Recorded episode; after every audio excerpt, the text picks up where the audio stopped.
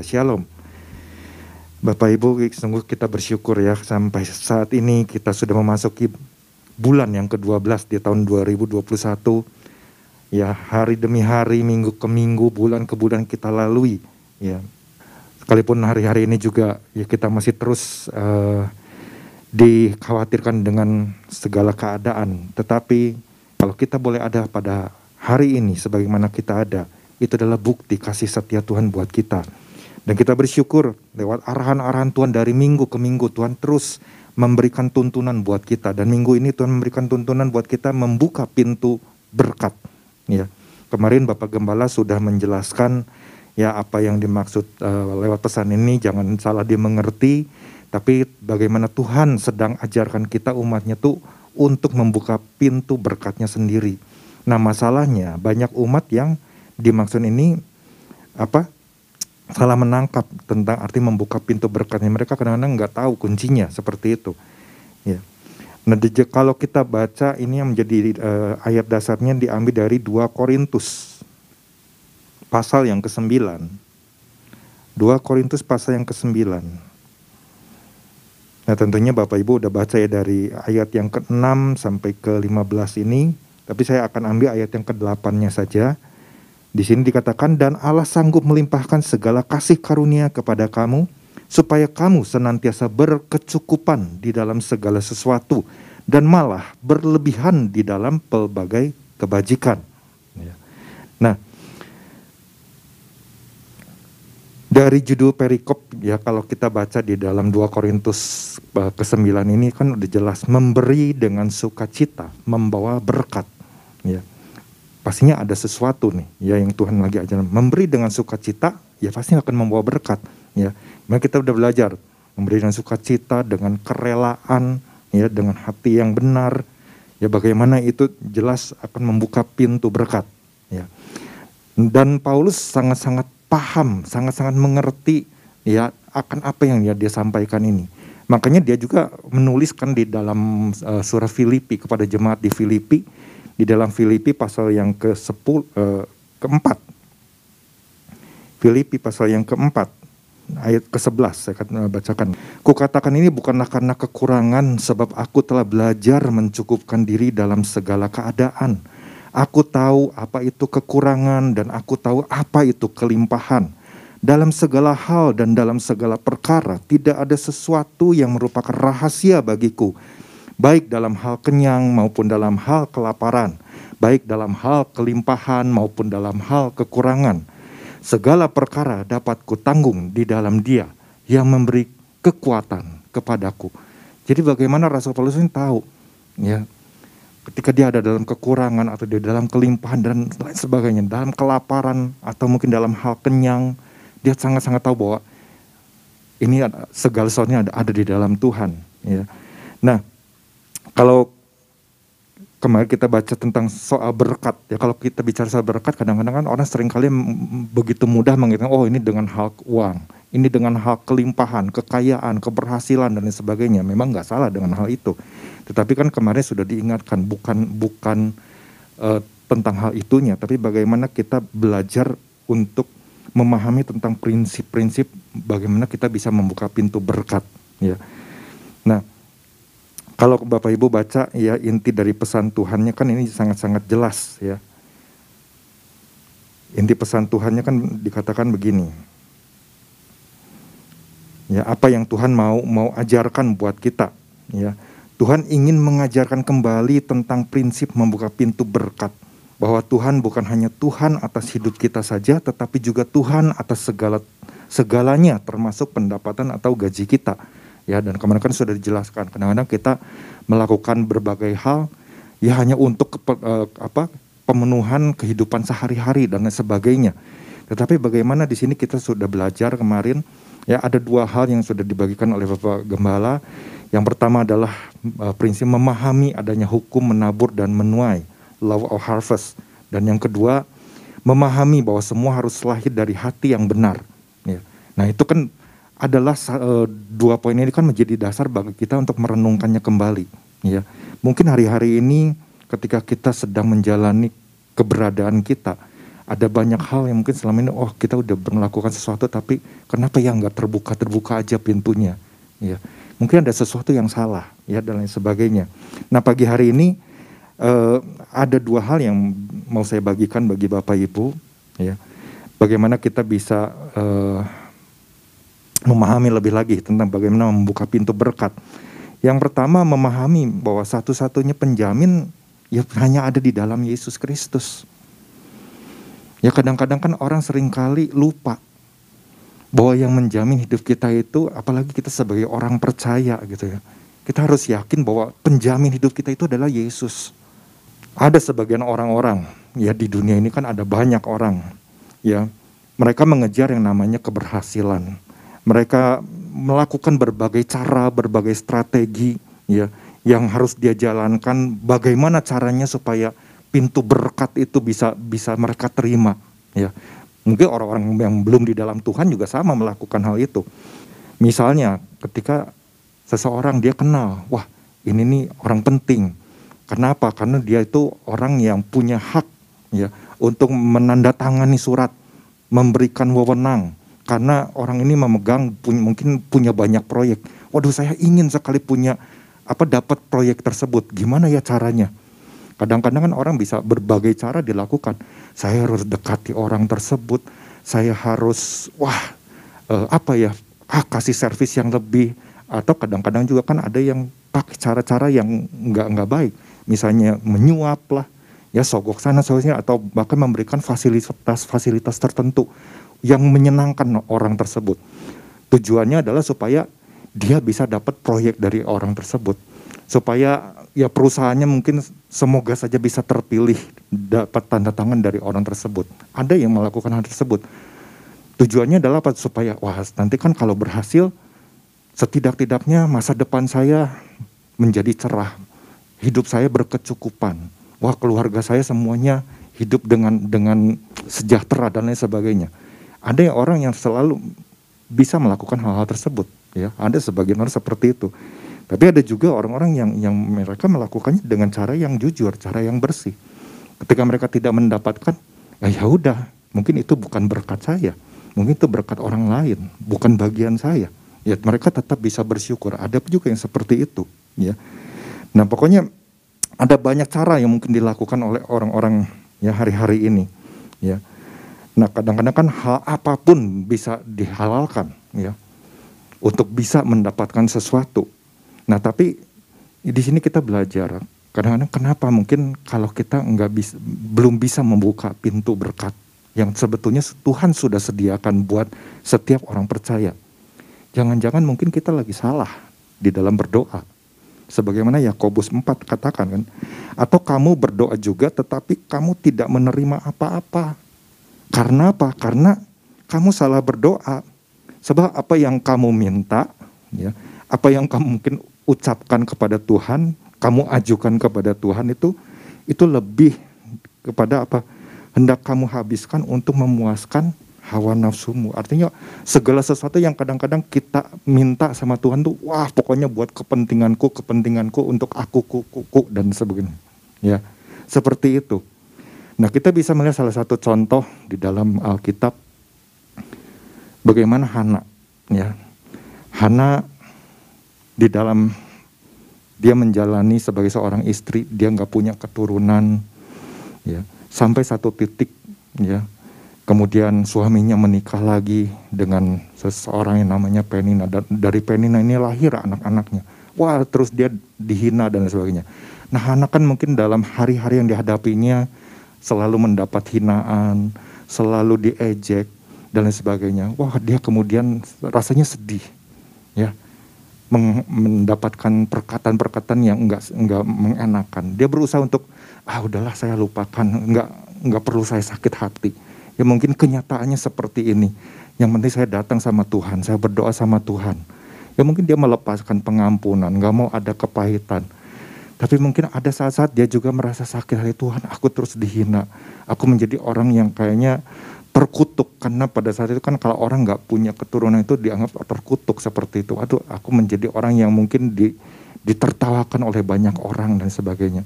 Mungkin dalam tahunnya ketika dia berdoa sama Tuhan tuh cara dia berdoa salah ya seperti itu. Tapi sampai satu titik ketika dia berdoa, Tuhan, kalau engkau berkehendak aku punya anak, aku akan serahkan anak ini untukmu, ya, untuk kau pakai sebagai alatmu di saat itulah, ya, itu sesuatu yang berkenan di hadapan Tuhan dan Tuhan kan nggak lama kemudian Tuhan buka yang namanya apa kandungan rahimnya ini. Sehingga dia bisa melahirkan seorang anak yang namanya Samuel. Dan dari Samuel kemudian kan bagaimana Tuhan bukakan lagi pintu-pintu pintu kandungan rahimnya ada anak-anak lagi lagi yang lahir. Karena karena doa yang dinaikkannya adalah doa yang berkenan, ya, berkenan di hadapan Tuhan. Nah makanya di sinilah kita belajar ya. Kadang-kadang kita lupa siapa yang menjadi penjamin hidup kita. Ketika mungkin hari-hari ini dunia sedang dilanda dengan berbagai kesulitan, apalagi mungkin dalam hal bisnis dan sebagainya. Wah, orang kadang-kadang orang suka mengandalkan, wah saya harus deket nih sama orang ini. Dia itu hidupnya nyaman, dia itu wah segala pekerjaannya selalu lancar. Saya bisa siapa tahu bisa kerja sama dan lain sebagainya, ya bisa dapat setidaknya mungkin dapat satu ya satu bagian lah mungkin dalam hal hal tertentu. Ya, seperti kadang-kadang orang bisa seperti itu Bapak Ibu. Ya. Tetapi mari kita belajar ya pahami bahwa Tuhan itu adalah satunya penjamin artinya ketika kita berserah sama Tuhan kita tetap percaya akan janji Tuhan bahwa Tuhan pelihara setiap hidup kita dia mencukupkan segala kebutuhan keperluan kita menurut kekayaan kemuliaannya itu adalah tanda bahwa kita tetap yakin bahwa hanya dia satu-satunya penjamin buat hidup kita. Nah itu yang yang pertama ya. Nah prinsip yang kedua yang saya dapatkan bagaimana supaya kita bisa membuka pintu berkat ya.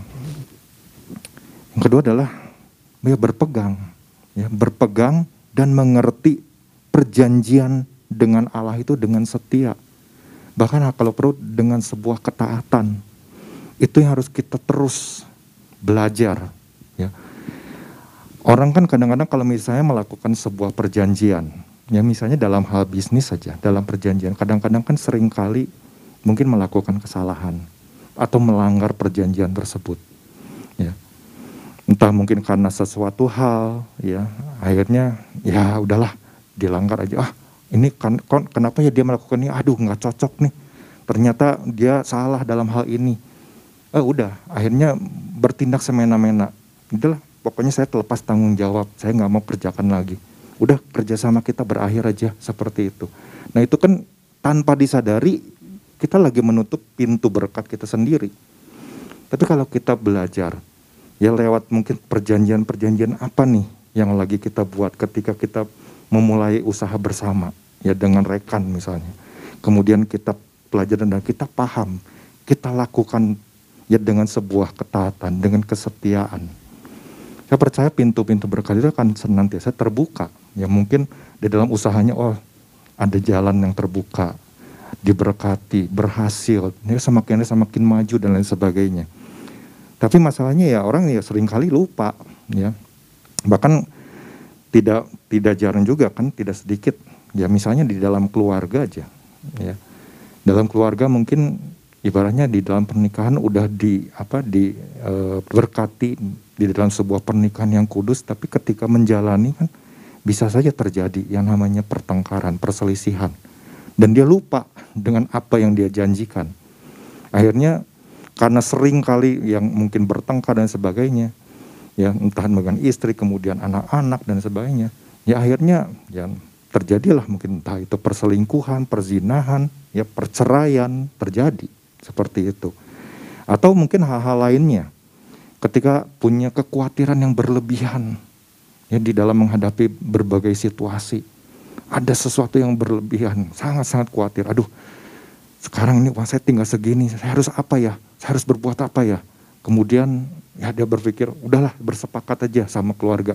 Kita melakukan ini, ternyata keputusannya misalnya salah. Ya. Bukannya mungkin semakin membuka jalan, tapi justru semakin sulit. Ya. Nah, kadang-kadang mungkin orang nggak menyadari hal tersebut. Ya, kita bisa juga belajarkan dari dari salah satu keluarga di di dalam Alkitab ya, keluarga dari Pak Eli Meleh ini. Ya. Elimelech, Naomi, Mahlon dan juga Kilion. Ketika satu saat ada uh, di Israel sedang terjadi yang namanya kelaparan. Mungkin pada saat itu aduh ada satu kekhawatiran yang cukup besar ya terjadi di dalam diri Elimelech. Kemudian dia bertanya sama istrinya, gimana? Apa yang harus kita lakukan? Ini kelaparan udah semakin berat, ya, semakin sulit. Apa yang harus kita lakukan? Apakah kita pergi ke tanah yang lain, kita cari, mungkin siapa tahu bisa berhasil, ya dan lain sebagainya. Nah akhirnya mungkin mereka sepakat, sepakat, tapi yang terjadi adalah tiba-tiba Elimelech meninggal. Eh kemudian menyusul ada Mahlon, ada Kilion juga meninggal. Ya. Nah, ini kan kalau di dalam situasi sekarang ini kan jadi sebuah pembelajaran, ya. hal-hal positif apa yang bisa kita uh, tarik ya dari pelajaran tersebut. Mungkin pada saat itu kondisi mereka nggak bisa kita salahkan sepenuhnya seperti itu. Mungkin ada hal-hal tertentu kenapa mereka memutuskan hal tersebut. Padahal kan kita tahu Bethlehem itu adalah rumah roti, house of bread. Ya artinya pasti ada berkat Tuhan yang selalu ada. Tapi mereka nggak ngerti nih, mungkin mereka nggak memahami, kurang memahami dengan baik perjanjian dengan Allah ini. Janji Allah kepada umatnya itu seperti apa mereka tidak pegang dengan sungguh-sungguh. Tidak dilakukan dengan setia. Ya. Sampai akhirnya ya terjadilah hal-hal yang yang kurang mengenakan. Ya. Sampai ya akhirnya Naomi sadar dan dia dipulihkan kembali ya setelah dia kembali ya ke Bethlehem. Tapi kita bisa bandingkan beda dengan yang namanya Ishak ya kan. Ketika terjadi kelaparan yang sama, pada saat itu dia berpikir, waduh ini kelaparan udah semakin sulit nih. Gimana ya? Apakah kita pergi ke Mesir aja? Ya. Tapi ke, karena ada firman Tuhan, engkau nggak usah pergi ke Mesir, tinggal di sini. Ya. Dan kemudian bagaimana waktu Ishak memutus ya udah, aku nurut aja sama Tuhan, aku janji, ya aku pegang perjanjian ini sama Tuhan, ya kalau Tuhan mau memberkati, aku percaya, ya di situlah dia menabur. Waktu dia menabur kan bagaimana hasilnya, ya sangat luar biasa kan. Ya nanti Bapak Ibu bisa baca di dalam kejadian pasal yang ke-26. Hasilnya sangat luar biasa. Karena apa? Karena, karena dia memahami. Dia sangat-sangat mengerti dan dia berpegang ya kepada perjanjiannya dengan Tuhan ini. Tapi bandingkan juga dengan yang namanya Yudas Iskariot, Bapak Ibu ketika dia dipercayakan oleh Tuhan untuk memegang kas keuangan ya dari pelayanan Yesus dan murid-muridnya. Mungkin pada saat itu pengelolaan dia nggak tepat. Ada sesuatu yang mungkin dia ingin gunakan entah itu mungkin untuk kepentingan pribadinya atau mungkin untuk hal-hal tertentu kita nggak tahu. Sampai bagaimana ia memutuskan untuk berani menjual Yesus ya pasti kan ada sesuatu yang yang nggak beres di dalam kehidupannya. Itu kan tanpa disadari itu udah lagi menutup pintu berkat. Harusnya ketika dia belajar taat, aduh saya dipercaya nih oleh Yesus untuk memegang kas keuangannya. Berarti saya harus mengelola dengan sebaik-baiknya, nggak boleh ada kesalahan. Mungkin ada pintu berkat lain yang terjadi buat seorang Yudas yang kita nggak tahu. Ya.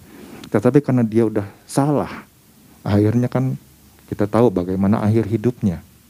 Ya. Jadi sangat-sangat berbeda sekali. Nah, di sini saya belajar sesuatu. Oh iya, iya ternyata memang nggak gampang untuk kita belajar berpegang kepada perjanjian dengan Allah ini. Ini yang benar-benar harus kita pahami. Nah, karenanya ini yang kita belajar ya. Kalau kita benar-benar paham, oh iya ya, saya ini anak perjanjian. Berarti setiap janji-janji yang sama Tuhan ini yang harus saya pegang. Saya harus belajar untuk mengikutinya. Apa yang menjadi tuntunan Tuhan? Saya harus belajar untuk hidup benar. Saya harus belajar untuk hidup sesuai dengan kebenaran firman Tuhan. Saya harus belajar untuk hidup kudus. Ya. Saya harus belajar untuk hidup yang mengikuti arahan-arahan Tuhan, perintah-perintah Tuhan, ya. ketetapan-ketetapannya Tuhan. Saya percaya ketika kita mau melakukan hal tersebut, maka pintu-pintu berkat pasti akan selalu terbuka. Ya. Tuhan pasti akan bukakan jalan. Tapi kalau kita mungkin memilih-milih, ah yang ini saya taat, yang ini enggak, beda berkatnya pun akan pasti akan beda. Tapi kalau kita taat sepenuhnya, kita paham dengan apa yang Tuhan janjikan, maka segala hal-hal yang luar biasa boleh terjadi dalam kehidupan kita. Karenanya, biarlah pagi hari ini ini yang yang kita mau untuk belajar. Ketika kita dipercayakan apa pun, ya untuk mengelola apa pun, ya mari kita pegang segala sesuatunya itu dengan benar, ya. Karena kita tahu prinsip-prinsip dari hal-hal yang Tuhan sudah ajarkan, ya. Demikianlah firman Tuhan biarlah jemaat Tuhan, apa yang saya bagikan pagi hari ini boleh memperlengkapi Bapak Ibu untuk terus memahami prinsip-prinsip membuka pintu berkat. Tuhan Yesus memberkati.